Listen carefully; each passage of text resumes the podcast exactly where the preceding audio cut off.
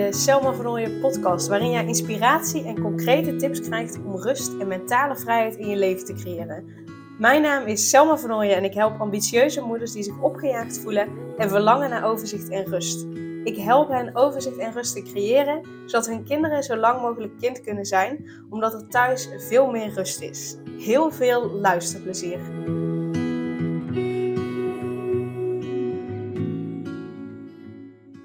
En in deze aflevering wil ik uh, overlevingsstrategieën uh, met je bespreken. Um, want uh, nou, je hebt er misschien al wel van gehoord. In ieder geval als je bezig bent met persoonlijke ontwikkeling. Als je bezig bent geweest met, nou, ik wil iets in mijn leven veranderen.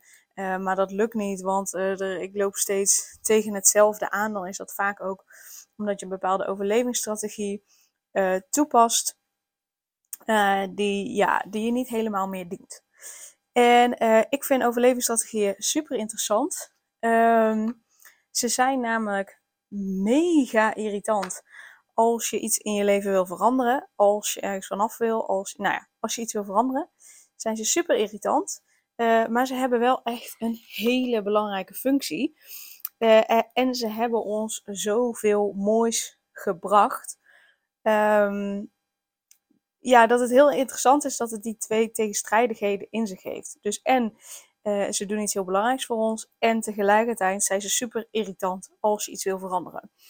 Um, en ik wil daarin ook weer een stukje uh, uh, delen over wat er in um, ja, de, de, de cursus die ik doe, innerlijke kindtherapie. Daar staat een klein stukje over in. Echt maar een mini stukje. Uh, dus dat stukje wil ik weer met je delen. Maar daarin wil ik je ook vooral meenemen in, nou ja, hoe kun je daarmee omgaan als je iets wil veranderen. Um, en vooral wil ik ook het, het nou ja, vooral ook het positieve uh, van een overlevingsstrategie benoemen. Want als je dat kunt zien, dat is eigenlijk de basis voor de verandering. Want het heet natuurlijk niet voor niets overlevingsstrategie. Het is een uh, het is een strategie die je in bent gaan zetten in je leven. Dus uh, bepaald gedrag dat je bent gaan vertonen. Uh, bepaalde gedachten en gevoelens die je eigen hebt gemaakt. Om ervoor te zorgen dat je kunt overleven. En ik ga beginnen met dat stukje voorlezen van innerlijke kindtherapie. Um, ja. de eerste zin die daar wel staat, vind ik een beetje gek. Of in ieder geval het eerste stukje. Want het eerste stukje wat staat, kinderen die tekort gekomen zijn. Uh, maar voor mij is dat meer kinderen die, die tekort gekomen zijn, als in die, uh, waarbij niet voldoende naar de behoeften geluisterd is van die kinderen. En waarbij niet voldoende uh, aan die behoeften zijn toegekomen. Dus kinderen die tekort gekomen zijn, moet je even op die manier zien. Kinderen die tekort gekomen zijn, hebben pijnlijke plekken. Veel van deze plekken zijn weggestopt, zodat ze niet meer zozeer doen. Heb jij dat ook gedaan? De weggestopte stukjes hebben zich niet meer ontwikkeld en zijn nu nog net zo jong als op het moment dat je ze wegstopte. Vanaf dat moment ben je vanuit een overlevingsstrategie gaan leven. Een overlevingsstrategie is een gedragspatroon dat jou helpt om je staande te houden. Het zorgt dat je je pijn niet meer voelt, niet meer in die situatie terechtkomt en niet nog meer pijn ervaart. Elke overlevingsstrategie is dus begonnen als hulp of ondersteuning voor jezelf. Er zijn veel, veel voorbeelden van levensreddende overlevingsstrategieën. Keur jezelf daarom niet af als je overlevingsstrategieën hebt. Iedereen heeft die. Het gedrag van nu vindt zijn oorsprong in de situatie van toen. Je zult merken dat je in bepaalde situaties wordt getriggerd. Je reageert dan vanuit onbewust geworden vastgezette gedragingen en patronen. Na afloop is het voor jou vaak niet meer helemaal helder wat er precies gebeurde, hoe je je voelde, wat er door je heen ging en hoe je hebt gereageerd.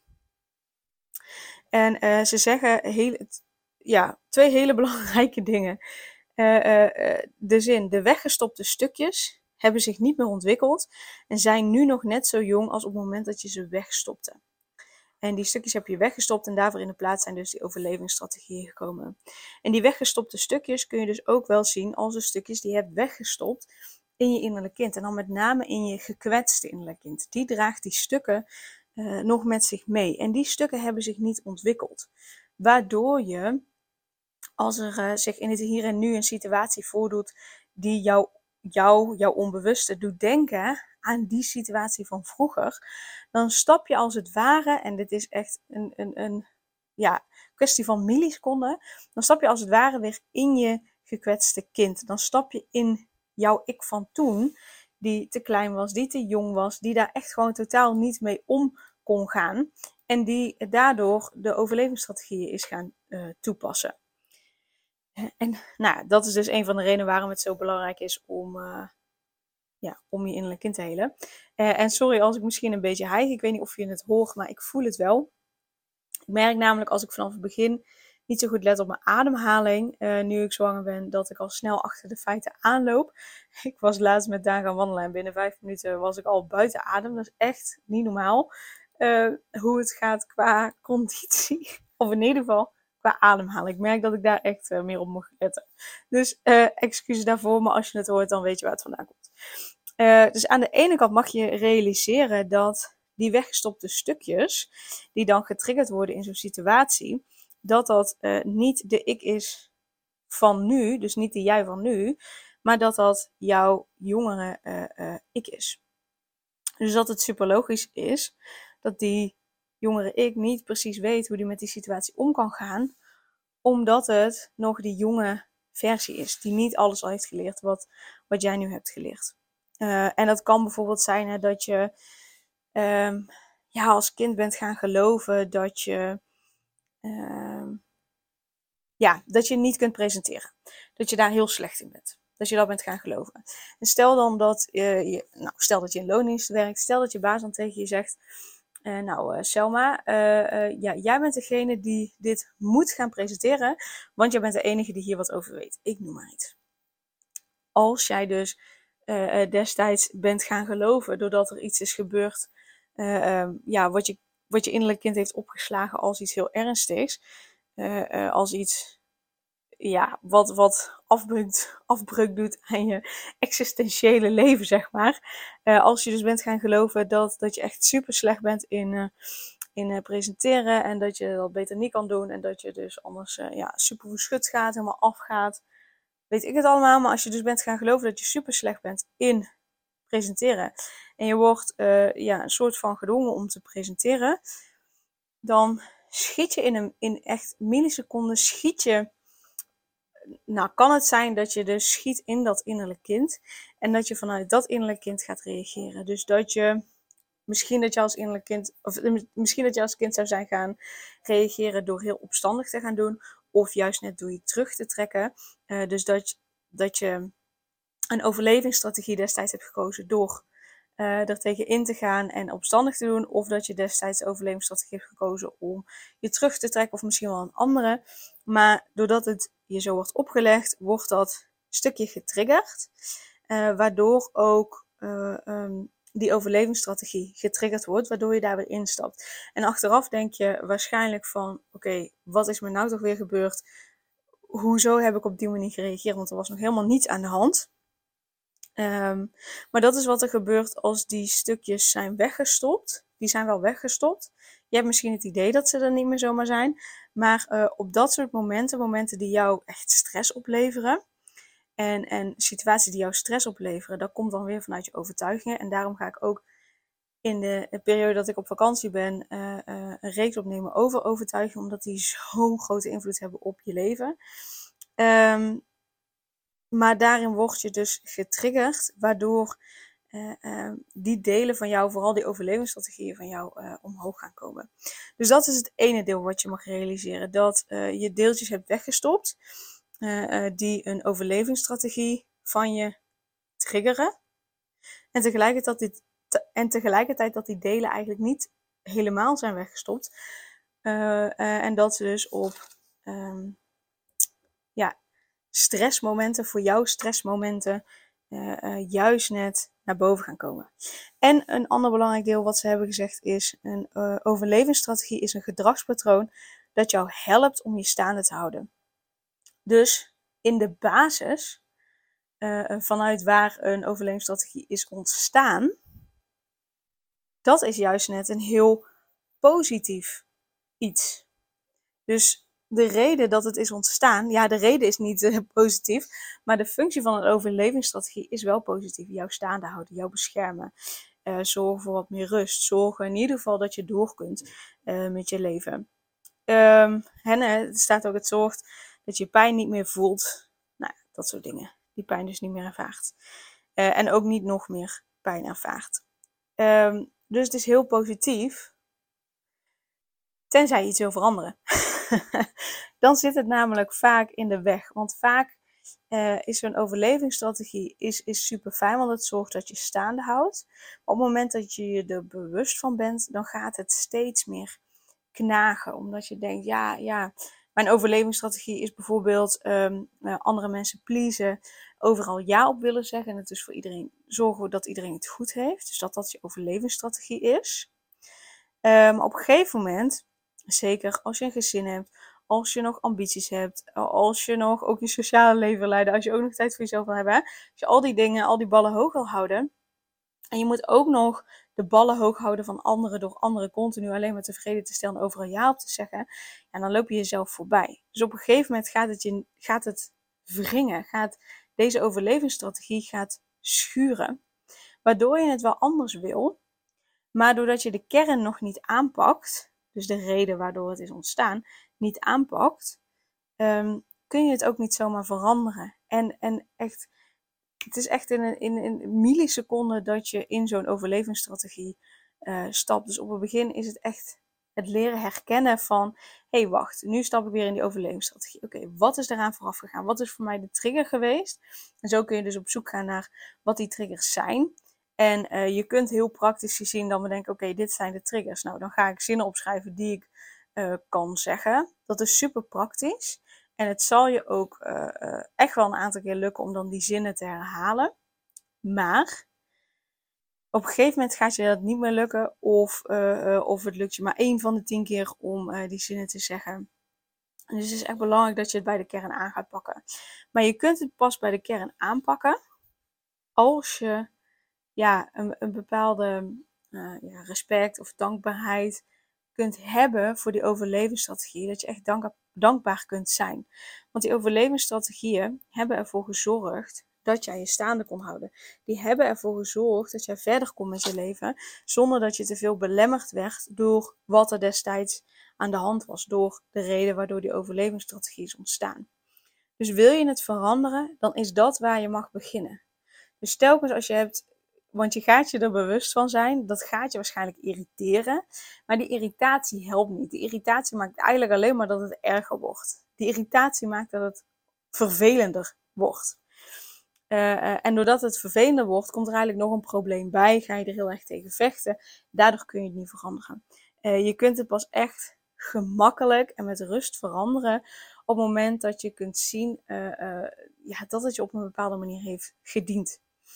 En dat doe je door dankbaar te zijn, niet voor de reden waarom het is ontstaan, maar echt voor de functie die het heeft gehad. En de functie is echt jou beschermen, ervoor zorgen dat je je staande kon houden, ervoor zorgen dat je kon overleven, in ieder geval mentaal kon overleven.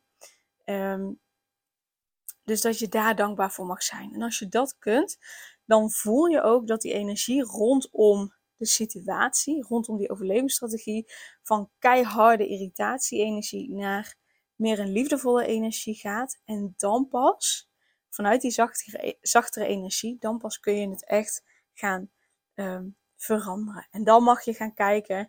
En dat uh, is een beetje lastig om dat zo even snel in de podcast uit te leggen. Uh, dus schakel daar zeker ook voor iemand in om met je mee te kijken op het moment dat je het wil veranderen. Uh, maar dan is het zaak om echt te gaan kijken van oké, maar waardoor is het ontstaan? Je hoeft echt niet de exacte situatie te weten, maar wel te weten van hé, hey, maar wat, op welke momenten triggert het mij? Uh, eventueel waar doet het me aan denken van vroeger, maar vooral ook om te kijken van oké, maar welke overtuiging ligt daar nou aan ten grondslag? Dus bijvoorbeeld, oh, ik ben super slecht in, uh, in um, presenteren. Of als ik ga presenteren, dan word ik altijd uitgelachen omdat ik er niet goed in ben. Weet ik veel. Uh, wat het kan zijn. Maar dat je dus echt um, naar de kern, naar, naar die oorzaak toe gaat, zonder dat je echt precies het voorval hoeft te weten uh, waardoor het is ontstaan. Maar dan pas kun je er iets aan doen. Dus aan de ene kant dankbaar zijn dat het je staande heeft gehouden. En aan de andere kant kijken, waardoor wordt het getriggerd? Welke situatie triggert het? Uh, welk gedrag laat ik dan zien? Waar komt dat uit voort? Wat maakt dat ik dat gedrag laat zien? Wat wil ik daarmee graag bereiken? En dat je vooral ook gaat kijken, oké, wat heeft mijn innerlijk kind nodig om het anders te gaan doen?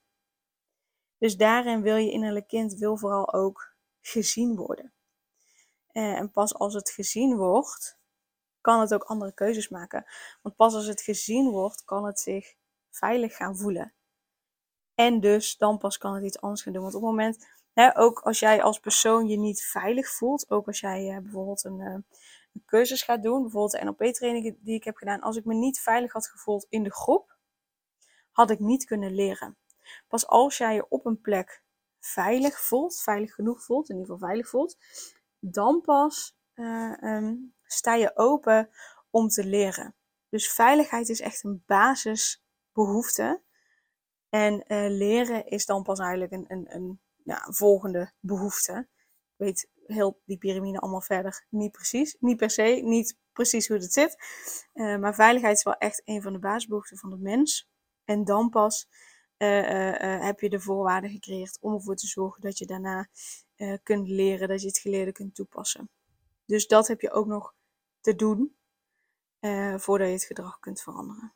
Yes, heb je hier vragen over? Stuur me vooral een DM naar Selma van Nooyen. Check even de titel van de podcast, want dan zie je hoe je mijn achternaam schrijft, want die is net wat anders dan de meeste van Nooyens. Um, en ga hiermee vooral aan de slag. Ben je eerst maar eens even uh, bewust. Ben ook dus dankbaar voor, die, uh, voor de overlevingsstrategie, of in ieder geval voor de functie die het heeft. En ga dan kijken naar de oorzaak. Dus luister ook even de vragen terug die ik heb gesteld. En laat je daar vooral ook bij helpen. Want het is niet iets wat je van de een op de andere dag zomaar even verandert. En kijk vooral daarin ook. Oké, wat heeft mijn gekwetst innerlijk kind hierin nodig? Hoe kan ik ervoor zorgen dat het zich veilig voelt? zodat ik het ook kan veranderen, zodat ik ook kan leren in deze situatie. Yes? Nou, super dankjewel in ieder geval voor het luisteren en een hele fijne dag. Super leuk dat je weer luisterde naar een aflevering van de Selma van podcast. Dank je wel daarvoor. En ik deel in deze outro nog een aantal belangrijke punten. Als eerste is het mijn missie om ervoor te zorgen dat alle kinderen van Nederland zo lang mogelijk kind kunnen zijn. En dat begint bij hoe jij je voelt als ambitieuze moeder. Daarom maak ik deze podcast voor jou en voor je kind of voor je kinderen. Gun je je kinderen dus ook een vrije en gelukkige jeugd, zodat ze zo lang mogelijk speels, vrij, onbevangen en onbezonnen kind kunnen zijn Vraag dan nu mijn gratis e-book aan 8 tips voor ambitieuze moeders om meer rust in je leven te creëren via mijn website www.selmavanooien.nl slash gratis-e-book. Ten tweede, wil je alle podcastafleveringen overzichtelijk onder elkaar en wil je als eerste op de hoogte gebracht worden als er een nieuwe podcastaflevering online staat? Abonneer je dan op de podcast door op de knop volgen, subscribe of abonneer te klikken. Ten derde, ondersteun je mijn missie en wil je ook helpen om alle kinderen van Nederland zo lang mogelijk kind te laten zijn? Laat dan een review achter in de podcast-app via waar je deze afleveringen luistert. Hoe meer reviews, hoe beter de podcast vindbaar is en dus hoe meer ambitieuze moeders en hun kinderen ik kan helpen. En tot slot, ken je andere ambitieuze moeders voor wie deze podcast interessant zou zijn? Deel dan gerust een aflevering met hen of deel een screenshot van deze aflevering op je social media en tag mij daarin. Wil je mij een vraag stellen of contact met mij opnemen? Dan kan dat via info.selmavernooien.nl of via het Instagram account Selma Nogmaals, super dankjewel voor het luisteren en tot de volgende keer.